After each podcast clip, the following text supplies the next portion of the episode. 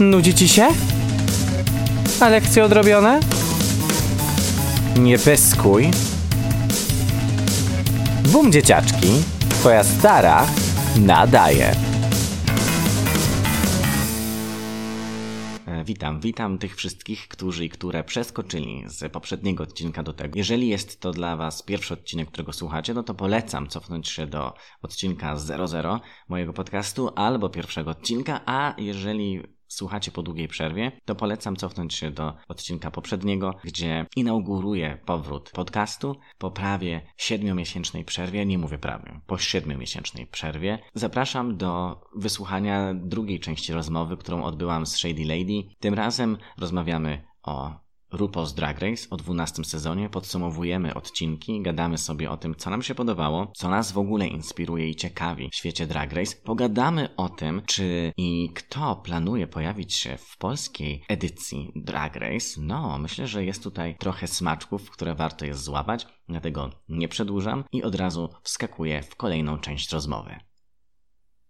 Dziś porozmawiamy sobie o tym, co zostało z nami z tego 12 sezonu. Zrobimy szybki recap przez odcinki 7, 8, 9, 10, 11, 12, 13 i 14, więc będzie to ekspresowy recap. Myślę, że nie będziemy rozmawiać o każdym odcinku, raczej wyłuskamy to, y, co nam się podobało, to, co jest godne zapamiętania. No i pogadamy sobie po prostu o tym, co z tym Drag Race. No i co stara, który ci się odcinek bardzo podobał? Na pewno pamiętasz wszystkie. No ja absolutnie mam coś takiego, że to też widać pewnie w tym y, podcaście, jak włączy się te recapy, że mam taki początek totalnego zachwytu i że dla mnie ten odpalenie tego 12 sezonu po okropnie zmęczonym 11 było czymś bardzo y, takim udanym i podobał mi się ten cast i podobało mi się to, co tam się gdzieś dzieje, ale im dalej w las i im mniej było tych uczestniczących, no to ja miałem wrażenie, że tam jak coś już manewrowują w jakieś coś dziwnego. Że tam jakby zaczynało mi czegoś brakować.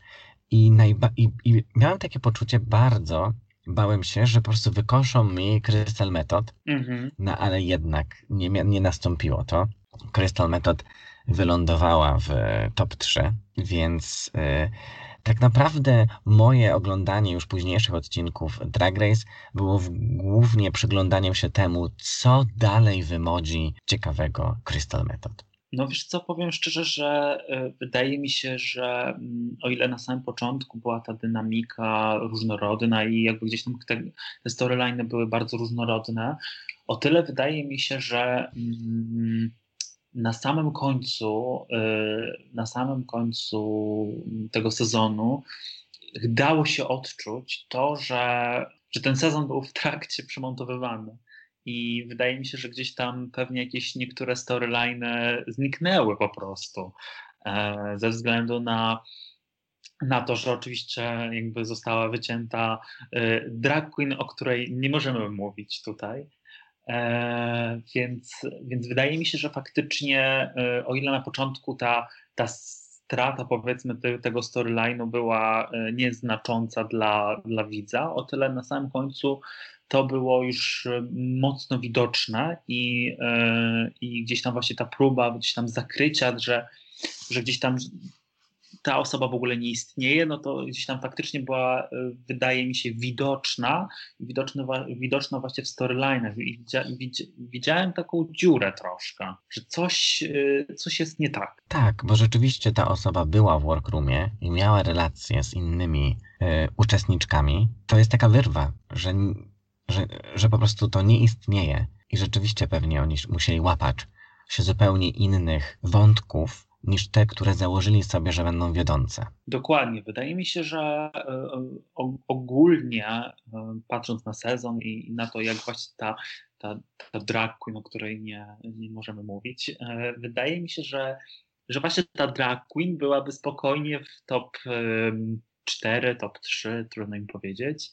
I, I wydaje mi się, że miałaby mocne szanse na wygranie. E, Tak, tak mi się wydaje. Miała też sporo, miała też sporo tych wygranych e, odcinków i, i, i też e, no, wy, wydaje mi się, że, że tutaj się szykował taki storyline Gigi versus właśnie ta, ta persona w finale, ale no nie dane nam było tego zobaczyć. No ale w finale za to miałyśmy, myślę, że naprawdę starcie bardzo ciekawych osób i naprawdę różnego dragu bardzo też ciekawych kreatywności, czyli Gigi Good, y, Jada Essence Hall i Crystal Method, więc dla mnie to było niesamowite i to, co moim zdaniem było najciekawsze w tym sezonie, to był ten niespodziewany przeskok między produkcją telewizyjną, która jest robiona w studiu, mhm. do tej domoróbki. Te dwa ostatnie odcinki były właśnie już kręcone w czasie pandemii, w czasie, kiedy wszyscy byliśmy odizolowani, kiedy w Stanach też osoby były od siebie odseparowane, więc to, co my znamy z finałów Drag Race, czyli ten wielki teatr i to show, które się tam odbywa, tutaj musiało zostać zlokalizowane bardziej kompaktowo w domach i moim zdaniem to było szalenie ciekawe zobaczyć, jak działa kreatywność tych lasek, kiedy nie dopala ich cała machina telewizji. No tak, generalnie to y, są różne oczywiście, myślę, opinie o tym finale, natomiast to, co mi się mm, podobało, y, to podobał mi się ten w ogóle pierwszy lipsing kiedy one zostały poproszone o przybliżenie się do, do kamery i, e, i po prostu używanie, jakby zrobienie takiego klasycznego lip-syncu, czyli bez żadnych e, piruetów, bez żadnych e, tańców, tylko po prostu same usta, sama mimika, sama twarz. I to mi się bardzo podobało.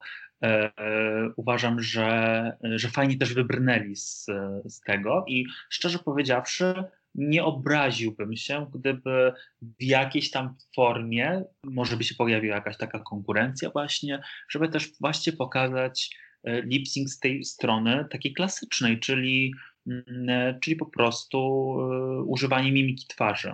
Więc to mi się bardzo podobało. Podobało mi się też to konkurencja, kiedy, kiedy one zostały poproszone o nakręcenie swojego lip syncu, która jakby gdzieś tam testowała właśnie tą kreatywność. Natomiast wydaje mi się, że sama realizacja tego finału, ona była dosyć. Hmm, trudno mi powiedzieć, ale gdzieś tam to, ta dynamika w ogóle była hmm, średnia, szczerze powiedziawszy. I, i teraz. Y, Mówię to też jako osoba, która na przykład widziała special e, Draguli, e, w której laski z pierwszych trzech sezonów e, powracają i walczą o Mm, o udział w czwartym sezonie. I to też właśnie było nakręcone mm, właśnie w tą metodą jakby na odległość. I, i powiem szczerze, że mm, no nie, trudno mi powiedzieć z jakiego powodu, ale ten special Draguli był naprawdę wywalony w kosmos. I, i o ile sam finał tego 12 sezonu był dla mnie spoko, jakby bez żadnych fajerwerek, ale, ale gdzieś tam y, widziałam plusy e, tego, tego, co oglądaliśmy. O tyle, y, jak gdzieś tam zobaczyłam właśnie ten special Draguli, to sobie pomyślałam, kurde, po prostu mogli zrobić tyle rzeczy i mogli zrobić to w taki fajny sposób, a wyszło meh. No tak, myślę, że też chyba ten Drag Race był kręcony w tym takim momencie chyba tego dużego lęku, tak, tak. I myślę, że, że właśnie ta różnica między, między tym finałem Drag Race, a właśnie tym specialem jest właśnie spowodowana pewnie też e, jakby tym, kiedy, to, kiedy po prostu to kręcili, bo, bo faktycznie ten, ta pierwsza fala, kiedy, e, kiedy miały kręcić finał w teatrze, nie mogły, no to faktycznie każdy e, i każda ba, baliśmy się wychodzić naprawdę z domu i, i siedzieliśmy po prostu w tych, w tych domach zamknięci. Więc myślę, że, mm, że to jest właśnie ten powód tej różnicy i myślę, że, że gdyby teraz e, World of Wonder mm, kręciło finał, to pewnie myślę, że, że byłby na, na jeszcze wyższym poziomie i, i, i, e, i myślę, że byłby też e, równie ciekawy jak właśnie Dragula. Tak, ale myślę, że to też jest coś takiego, Drag Race też bardzo działa e, w taki sposób, że zależy mu na tym, żeby utrzymać swoją pozycję, e, swoją jakby tą estetyczność, ten, to jakby co wnosi, bo wydaje mi się, że jest tak buńczuczny, że uważa, że jest właśnie najlepszym i jedynym programem o dragach na świecie więc myślę, że też ma za duże ciśnienie, żeby być właśnie taki rozluźniony, yy, żeby to wszystko było właśnie trochę takie z przymrużeniem oka. A Dragula nic nie musi nikomu udowadniać. Tak. Jest absolutnie jakby cudowna w tej swojej osobności i też te drag monstra, które biorą w tym udział, doskonale znają jakby swoje atuty i wiedzą, że to, o co konkurują, nie jest jakby tym tą uwagą tego bardzo mainstreamowego, konsumpcyjnego, e, kapitalistycznego e, odbioru, czy właśnie tego przemysłu dragowego, e, którego wytworem jest e, Drag Race. Wytworem, ale też twórcą. Tak, no ta różnica na pewno jest, e, jest widoczna i, i też właśnie tutaj tak się naprawdę zastanawiam, bo, e, bo po tym specialu tak miałam wrażenie wręcz, że, że jeszcze chwila, może nie wiem, jeden sezon e, i Dragula według mnie też wejdzie do mainstreamu. I pytanie też, co się też stanie z, nie wiem, z jakością i jakby też jak, jaka będzie też przyszłość dragu tak naprawdę e, w, w tym kontekście. Natomiast wydaje mi się, że, że jakby ten poziom draguli kurczę, no kręconej właśnie w, w, w trakcie pandemii jest już naprawdę tak wysoki, że, że jakby ten sezon kolejny, który, który nie wiem, czy już kręcą, czy, czy, czy już nakręcili, myślę, że on naprawdę będzie wysoki i, i to już będzie naprawdę mm, o krok od, od mainstreamu. I jestem, jestem e, przekonany, że, że Dragula też wejdzie do mainstreamu. No, teraz tylko jest zawsze, myślę, to jest to pytanie, e, jak sobie w tym mainstreamie poradzi i co, co ocali, e, co nowego zyska, e, a co straci, o ile coś, coś straci. Dla mnie w tym finale Drag Race i myślę, że to było bardzo ciekawe, tam wydarzyło się coś, czego nigdy, moim zdaniem nigdy nie zobaczylibyśmy w Drag Race, czyli też takie przełamania, które robiła Crystal Method Mhm. przez to, że była właśnie ze sobą w swojej pracowni, w swojej głowie, e, nie była e, ścinana przez producentów, to na przykład mogliśmy i mogłyśmy zobaczyć ten klip I'm Like a Bird, który naprawdę był czymś, moim zdaniem, jak na drag race'owy świat, bardzo osobnym. Czyli ta Krystal przebrana za ptaka, karmiąca po prostu robalami i, i plująca, mm, y, dająca wypluwki y, swoim małym ptasim dzieciom, no to się nie zdarzało w Drag Race nigdy. No i, yy, i jako piniata.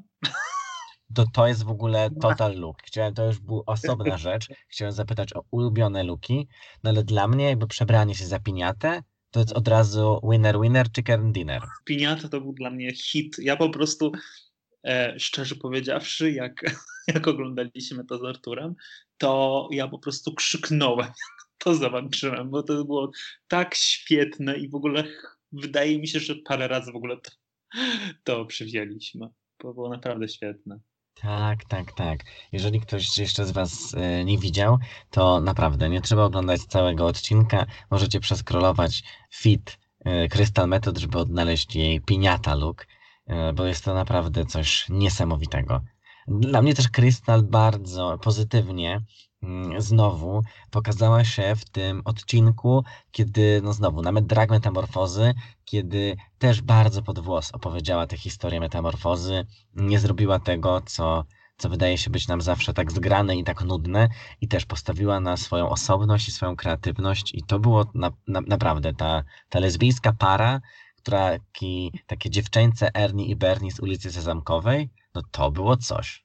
Tak, i wydaje mi się, że w ogóle mm, ten, ten jej look, to właśnie do makeoveru, gdzieś tam wydaje mi się, że zre, zrewolucjonizuje też trochę podejście do tego e, zadania, bo, gdzieś tam e, faktycznie ono stało się takie trochę przaśne, przewidywalne, a, a gdzieś tam Krystal pokazała, że można się tym bawić i można jakby podchodzić do tego naprawdę różnie i, i, i myślę, że że będzie to po prostu też widać w kolejnych sezonach. Oby, bo rzeczywiście też i, i, dla mnie to było na przykład bardzo smutne, że w, w, tym zestawieniu i że to też trochę mi pokazało, czym jest ten program po raz kolejny, że naprawdę najbardziej zależy mu na utrzymywaniu tej iluzji i ta iluzja została nam sprzedana doskonale przez zwyciężczynię, czyli przez Jade Essence Hall. I, I ta właśnie iluzja tego, te, te, te, tego female impersonatora, który musi wyglądać dokładnie tak, to jest kolejny raz betonowanie, no ale znowu. Ale to jest świat drag race, to nie jest świat dragu. E, ten drag, który widzimy w telewizji, jest tylko i wyłącznie odniesieniem do samego siebie. Do tego, jaki drag chce wytwarzać ten program w obrębie telewizyjnego świata, które tworzy. Tak. Znaczy, ja się cieszę, że, e, że właśnie takie osoby jak Krystal e, pojawi, pojawiają się, czy będą się pojawiać w, w, w sezonie. Trochę mi brakuje właśnie takiej E, takiej persony w, w tym kaście trzynastym, takiej totalnie innej. I, I gdzieś tam miałam poniekąd nadzieję, że, że gdzieś tam zobaczymy więcej takich person. No mamy Gotmik, e, która, e, który e, właściwie jest trans chłopakiem i I szczerze powiedziawszy, yy, dziwię się, że dopiero teraz yy, trafia do, do telewizji, bo yy, jest to w ogóle jedna z moich ulubionych postaci w dragu, ever myślę. I zapartym dejem obserwuję fit Gottmik i, i naprawdę jest to przecudowna e, osoba e, i w dragu, i, i poza dragiem. I też pokazuje to, że, mm, że jakby ta, ta, nasza płeć, którą, którą odczuwamy, tak naprawdę nie ma wpływu na to, jaką postać e, kierujemy. I, i, i cieszę się, że, że Gottmik było dane być tą pierwszą osobą um, męsko-transpłciową. Nie wiem, czy dobrze mówię ale e, jest pierwszą właśnie osobą, e, jest pierwszym mężczyzną, trans e, mężczyzną, który, który trafia do, do Drag Race. I oby była to jaskółka zmiany, a nie tylko po prostu jakiś taki balon, który jakby tylko ma skupić naszą uwagę, a tak naprawdę będzie, będzie to wyglądało zupełnie inaczej. Dla mnie też to było fajne. Tam metamorfozy odbywały się na superfankach, więc znowu, więc trochę jest takie przełamanie, że ten drag został nałożony na e, osoby kobiece urodzone, więc jakby to było fajne, ale znowu, dla mnie to jest za mało. Ja oczekuję, żeby y, po prostu drag queens, które y, są performowane przez afaby, były w pełni przyjęte przez ten format i włączone. Co jakby myślę w jakimś stopniu też jest realizowane przez Gotmik w tym, e, w tym dwunastym sezonie, trzynastym sezonie. 13, tak. No, mam nadzieję, że, że gdzieś tam format zacznie się, zacznie się też otwierać na, na takie osoby performerskie, bo, bo naprawdę w Stanach jest mnóstwo takich wspaniałych person yy, i, i myślę, że, że też jakby, nie, jakby ja nie widzę przeszkód E, jakby dla mnie drag jest tworzeniem postaci. Nie ma kompletnie znaczenia to, kim jesteś i kim się czujesz. Także RuPaul, jeżeli słuchasz naszego podcastu, znaczy mojego podcastu, ale naszej rozmowy, to jakby wiesz, co robić. To jest mm -hmm. naprawdę proste. Bajecznie proste. Pytanie też, e, wiesz, e, myślę, jest takie też ważne, czy mm, jak, jak, dużo w ogóle takich osób e, się zgłasza, no bo to też myślę właśnie ten proces castingu powinien też myślę wspierać, wspierać właśnie takie osoby mniej widoczne w przestrzeni dragowej i tak szczerze powiedziawszy jakby nie, nie znam jakby behind the scenes castingowego i, i jak jest organizowany, na, na jakiej zasadzie mm, przez, przez właśnie firmę, która, która organizuje castingi dla dla Drag Race w Stanach. Natomiast no, no myślę, że to jest też ultra ważne, żeby, żeby ten proces castingowy wspierał e, właśnie takie osoby. Pełna, pełna, pełna zgoda. Czy jest jeszcze coś z tego dwunastego sezonu, co ci zapadło w pamięć, do czego chcesz wrócić? Wiesz co? Znaczy myślę, że y, najfajniejszą rzeczą w tym sezonie myślę był, był Ruzikal. Nie wiem, czy my rozmawiałyśmy już o Ruzikalu. Nie, o Ruzikalu nie było rozmowy. To jest ten siódmy odcinek, no który został tak zapowiedziany. Tak. Wiemy, jak, jak wyglądała dalsza historia.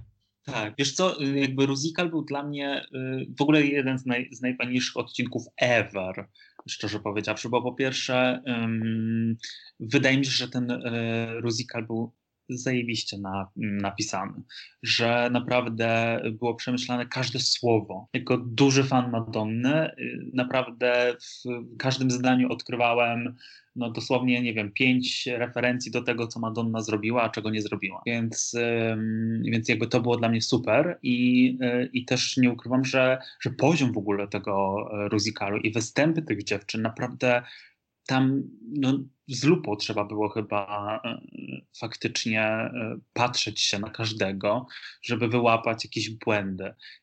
No a poza tym też bardzo fajny był ten, ten Radoń, taki Mm, bo to był rano i Michel Visage z tego co pamiętam i, i to było takie fajne, bo, bo też myślę, że dziewczyny złapały trochę oddechu od, od tych, y, wiesz, runway, które są takie ze spięciem, że tutaj po prostu muszą wyglądać jak nie wiadomo co i tak dalej, a tutaj po prostu musiały zrobić się na Michel Visage, więc mogły, mogły trochę się pośmiać z tego i, i to, było, to było fajne.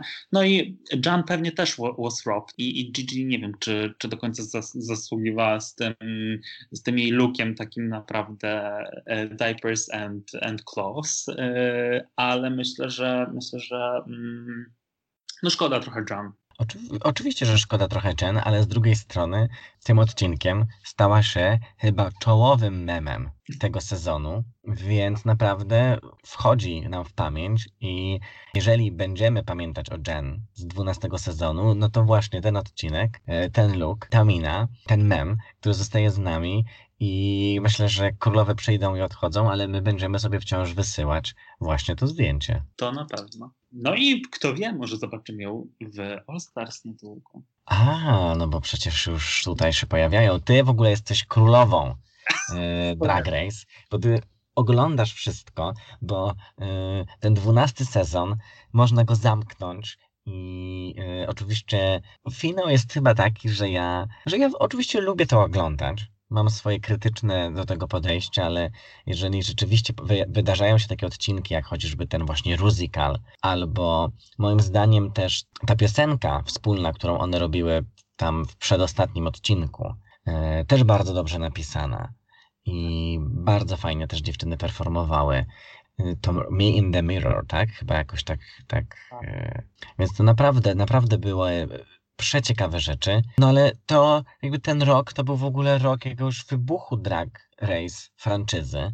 Mieliśmy i Drag Race w Kanadzie, i był Drag Race w Holandii, a teraz w przeciągu ostatniego naprawdę miesiąca, ba, ostatnich dwóch tygodni, dostajemy informacji o kaście kolejnych sezonów brytyjskiego, amerykańskiego, daty premiery, mm, zapowiedzi hiszpańskiego Drag Race, Mhm. I naprawdę, no to jakby już się dzieje. To mamy po prostu wrze. Ba, nawet, e, nawet e, jest już jakby mowa o tym, że nakręcony jest australijski Drag Race, czy tam finalizowany jest, więc, e, więc to też jest wow e, i mówi się też o francuskim, co gdzieś tam myślę, że, że będzie mega też ciekawe. Bo... Francuski bardzo, no patrząc na ten drag francuski po tak. Instagramie, no to jest przeciekawy świat. Tak, tak. Więc no szczerze powiedziawszy, no fajnie, że Mm, że gdzieś tam te, e, te formaty się pojawiają na świecie i, i też, no, no wiadomo, no, jest to jakaś tam platforma, która też daje widoczność e, dragowi w danym państwie, z danej kultury, więc szczerze powiedziawszy, jakby dużo osób mówi, a za, za dużo tego drag race. Według mnie to jest bardzo ciekawe i, i, i ten format w Kanadzie czy czy w Holandii, on naprawdę według mnie był ultra ciekawy i, i jakby zobaczenie takich person, właśnie jak na przykład Jimbo w Kanadzie, czy Chelsea Boy na przykład w Holandii, to, to było dla mnie naprawdę, mm, ja Chelsea Boy e, koja, kojarzyłem wcześniej, natomiast e, na przykład Jimbo to było dla mnie totalne odkrycie i, i jakby pokazanie, że kurczę, no drag nie musi wyglądać jakby bardzo podobnie, tak jak właśnie w amerykańskiej wersji Drag Race, gdzie jakby bardzo często gdzieś tam dziewczyny są bardzo podobne do siebie na przestrzeni sezonów, e, a może być też po prostu zupełnie inny, pojechany, odwalony, po prostu totalnie od, e, odklejony od w ogóle tego świata. może być prawdziwą klaunadą, jak w przypadku właśnie Jimbo, która no, mnie ona też zachwyciła. I ja widziałem z tych sezonów, które się pojawiły, tylko kanadyjski, ale on mi się naprawdę podobał i miałem takie, taką świeżość oglądania, że też przez to, że on nie był tak przekręcony i przesterowany, tak, ide, tak wyidealizowany, e, też produkcyjnie jak ten amerykański, to oglądałem naprawdę ten drag race kanadyjski z taką dużą przyjemnością i ja wiem, że nie ma, że porównywanie, ja wiem, że porównywanie się jest też takie bardzo łatwe, ale miałem wrażenie, że jak oglądałem ten Drag Race, to miałem wrażenie, że to jest bliższe temu, co ja widzę w dragowym świecie w Polsce na przykład. Tak. Że my, patrząc na tą telewizję kanadyjską, jak to było zrobione i patrząc na nas tutaj, w Polsce, mam wrażenie, że no my i nasze koleżanki i koledzy, którzy robią drag, absolutnie jesteśmy Drag Race ready. No, według mnie tak. Plus, a wiesz co, na przykład to jest dosyć ciekawe to, co, to, co mówisz, bo, e, bo myślę, że miałem bardzo podobne spostrzeżenia odnośnie Kanady, że jakby to jest naprawdę dużo bliższe Pol Polsce Natomiast z drugiej strony, na przykład jak oglądam Holandię, to, to dla mnie w ogóle te, ten poziom e, tych luków, które, które dziewczyny tam po prostu prezentowały, to jest w ogóle dla mnie jakiś totalny kosmos i poziom All Stars.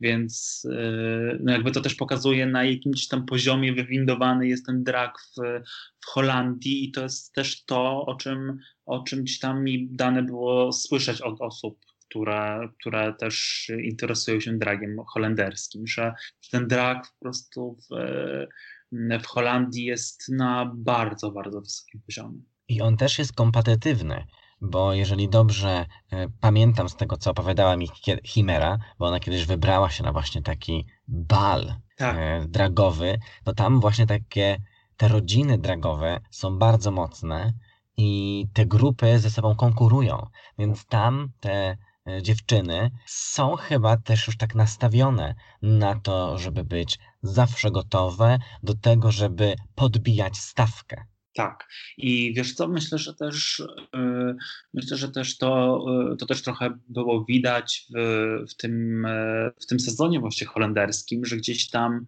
było trochę dram.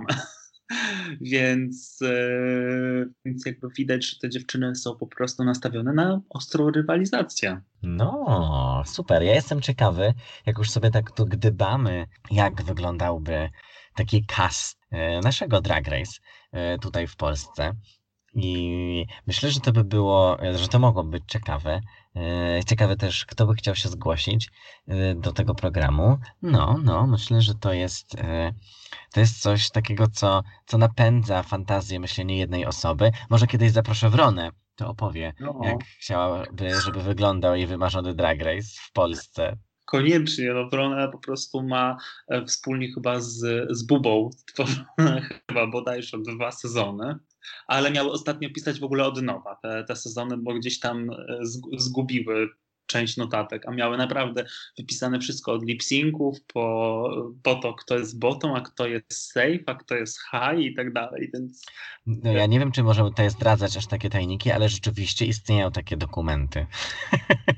Po prostu to są napisane scenariusze. Na... Które tylko odpowiednie koleżanki muszą odegrać. Tak, dokładnie. Ja totalnie, totalnie, jak się tylko dowiedziałem o istnieniu tego, to E, to było naprawdę clap that, bo to jest w ogóle, to jest, to jest drag. Tak on wygląda. Tak, tak, tak. tak. Kreatywność tak, na pełnej. E, tak wygląda Drag Race od, wiesz, od drugiej strony. Po prostu scenariusz dostają dziewczyny. Jasne. Jest w ogóle, to by był naprawdę hit, gdyby się okazało, że scenariusze do Drag Race pisze Wrona. Nie, w ogóle Wrona wszystko wymyśla. To jest w ogóle tak, że Wrona jest w ogóle master behind the uh, RuPaul. Tak, executive producer. Tak, Wrona. No, ale przecież my wszyscy wiemy, że Wrona to jest polska Raven, więc w ogóle to jest o krok od sławy. Always second. Jezu, e, gadamy sobie tutaj mm, wspaniale. Jest ten zawsze jakiś kwestionariusz, który ja zostawiam do, do wypełnienia, e, więc może wskoczę z takimi dwoma pytaniami z e, tego kwestionariusza, tak żeby zakończyć naszą rozmowę E, tym razem nie cliffhangerem, ale pozwolę Ci odpowiedzieć na te pytania, a Wam, e, którzy i które słuchacie, żeby usłyszeć to, co Shady chce Wam powiedzieć. Nie wiem, czy projektuję e, przyszłość, nie wiem, czy mam szklaną kulę, e, ale wracam do pytania, które zadałam e, Ci ostatnio, czyli wyobraź sobie taką hipotetyczną sytuację. Wchodzisz do Drag Race. W co Mhm. jesteś ubrana? Mój entrance look to będzie, e, myślę, że ostatni look e, zaprojektowany przez Jasiek X. Uuu, czyli opowiedz, jaki to był look, jeżeli osoby nie widziały. To jest, nie widziałeś? Ja widziałam, tylko No chcę dobra. absolutnie, żebyś Ty opowiedziała o tym looku. To jest ten look, który był na sesji w Vogue'u. Jest miałem, e, więc to jest look inspirowany sylwetkami Diora, na których na, jakby na całym looku jest e, napis, są napisy z polskiego dragu na przykład e, i z jakby z rzeczy, które gdzieś tam mnie inspirują memowo, nie memowo, e, jakby z jakieś tam moje catchphrases, ale też catchphrases osób, które robią drag w Polsce. I, I gdzieś tam w ogóle robiąc, robiąc to z, z Jaśkiem i jakby właśnie wymyślając właśnie te, te wszystkie catchphrases, tak Czy jest boom dzieciaczki? Boom. Matko, nie wiem. Jezu, to jest Matko. zawracanie na rondzie. Do widzenia, proszę pani. Y, Tutaj z wami była Shady Lady, I don't know her. Do widzenia. Wiesz co, nie wiem szczerze powiedziawszy, czy boom dzieciaczki jest. Muszę e, sprawdzić, ale mm, być może, być może, nie wiem. Tam się po prostu naprawdę nie pogrążaj, na bank nie ma. No to dorobię maseczkę tam, wiesz, i wejdę w maseczce i będzie boom dzieciaczki na maseczce. Ale nie, no faktycznie jakby gdzieś tam e, myślę, że na, jakby wchodząc do, do Drag Race zależałoby mi gdzieś tam na jakby na połączeniu i jakby na włączeniu jakby tego, tego polskiego dragu e, w, w ten strój, w którym wchodzę, więc pewnie to byłby jakiś właśnie inspirowany, e, inspirowany właśnie polskim dragiem. Super. Lepsze to niż po prostu e, e, kiełbasa i pierogi i cała reszta, która się pewnie najbardziej stereotypowo e, kojarzy. A ten look w ogóle e, Mhm. Kuby, no niesamowity i też sfotografowany wspaniale. Ja w opisie odcinka wrzucę link do tej sesji, która się odbyła i też do wy- wywiadu z tobą, więc będziecie mogły i mogli zobaczyć, kto jeszcze nie widział. Naprawdę wspaniałe.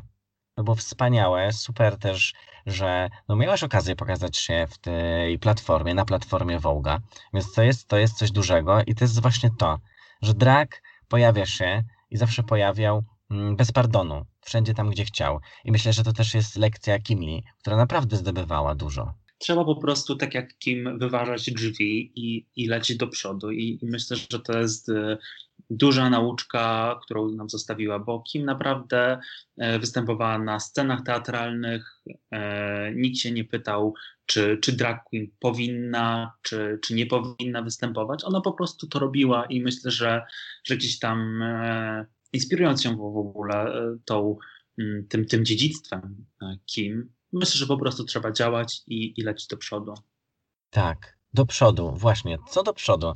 To jest takie pytanie na koniec, które e, lubię zadawać, bo myślę, że ono jakoś tak pokazuje najbardziej to, e, co myślimy o swoim dragu. Jakie masz takie dragowe marzenie? Co jest przed tobą, co myślisz, że chciałabyś zrobić e, tutaj, może nie tutaj?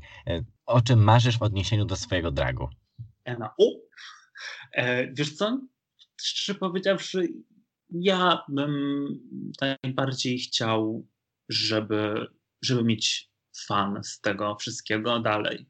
Żeby, żeby faktycznie ten track szedł do przodu, żeby, żeby gdzieś tam też mieć e, przestrzeń na, na robienie nowych rzeczy, no, nowych, fajniejszych rzeczy, co się też gdzieś tam pewnie e, łączy z jakby myślę, jakby z rozrastaniem się tej, tej mojej platformy, więc jakby to jest pewnie jakiś tam cel numer jeden. Natomiast no, myślę, że jakby za platformą chciałbym, żeby, żeby też coś szło, żeby, żeby, żeby, żeby też gdzieś tam nie zapominać e, skąd się dostało tą platformę i, i kto był tak naprawdę od początku ze mną w tej platformie e, Shady Lady i, i dla mnie kluczowe jest to, żeby żeby nawet gdzieś tam przebijając się do, powoli do mainstreamu, to żeby, żeby pamiętać o, o tym wszystkim, o którym, od, od czego zaczynałam i od czego, od czego tak naprawdę,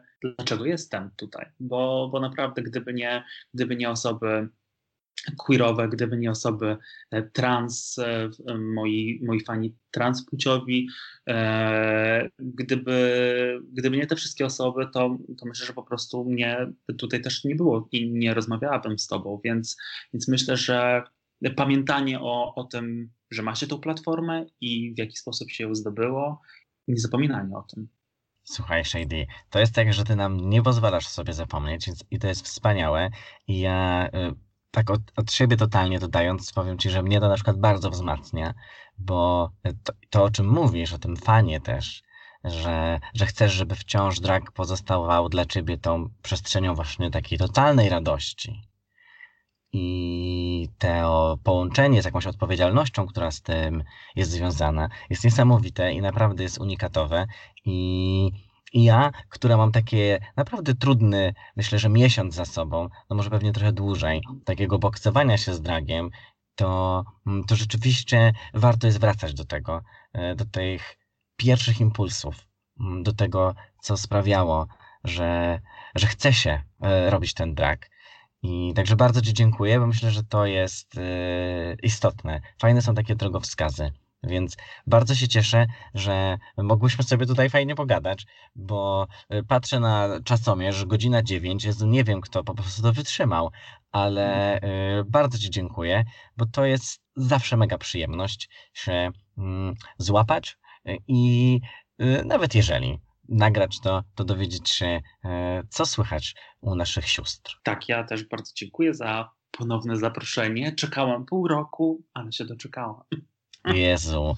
E, słuchajcie, to by było na tyle z naszej rozmowy. Bardzo, bardzo Wam dziękuję za to, że byłyście i byliście z nami. Shady raz jeszcze dzięki. Wszystko, o czym dzisiaj tutaj mówiłeś, my pewnie powrzucam w linkach, więc jeżeli interesuje Was wywiad do Wołga, to jak najbardziej będziecie mogli i mogły w to klikać. Mm, a ja teraz klikam zatrzymaj nagrywanie i co? Słyszymy się w następnych odcinkach i Raz jeszcze wielkie dzięki, Shady. Dzięki. Dzięki, dzięki. Bardzo Wam dziękuję za to, że byłyście i byliście ze mną tutaj znowu na falach podcastu Twoja Stara Nadaje. Jak wspominałam w poprzednim odcinku, to jest bardzo ważne, żeby się wspierać, dlatego jeśli mogę Was prosić o wsparcie, podajcie dalej informacje o tym, że Twoja Stara znowu nadaje, że pojawiają się nowe odcinki, że jest jakiś plan, który Stara sobie założyła i będzie go wypełniać. Dajcie, dajcie tą radosną nowinę, w te święta i na nowy rok, że oto podcast powrócił na Spotify i Apple Podcasts i SoundCloud. Może z czasem będę rozbudowywała tę platformę.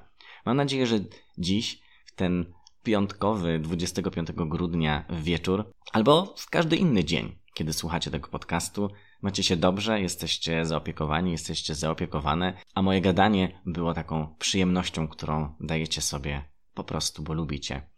Raz jeszcze wielkie dzięki i do usłyszenia gdzieś tam znowu na falach podcastu. Twoja stara nadaje, to byłam ja, twoja stara, a wy jesteście moimi boom dzieciaczkami i do usłyszenia za tydzień.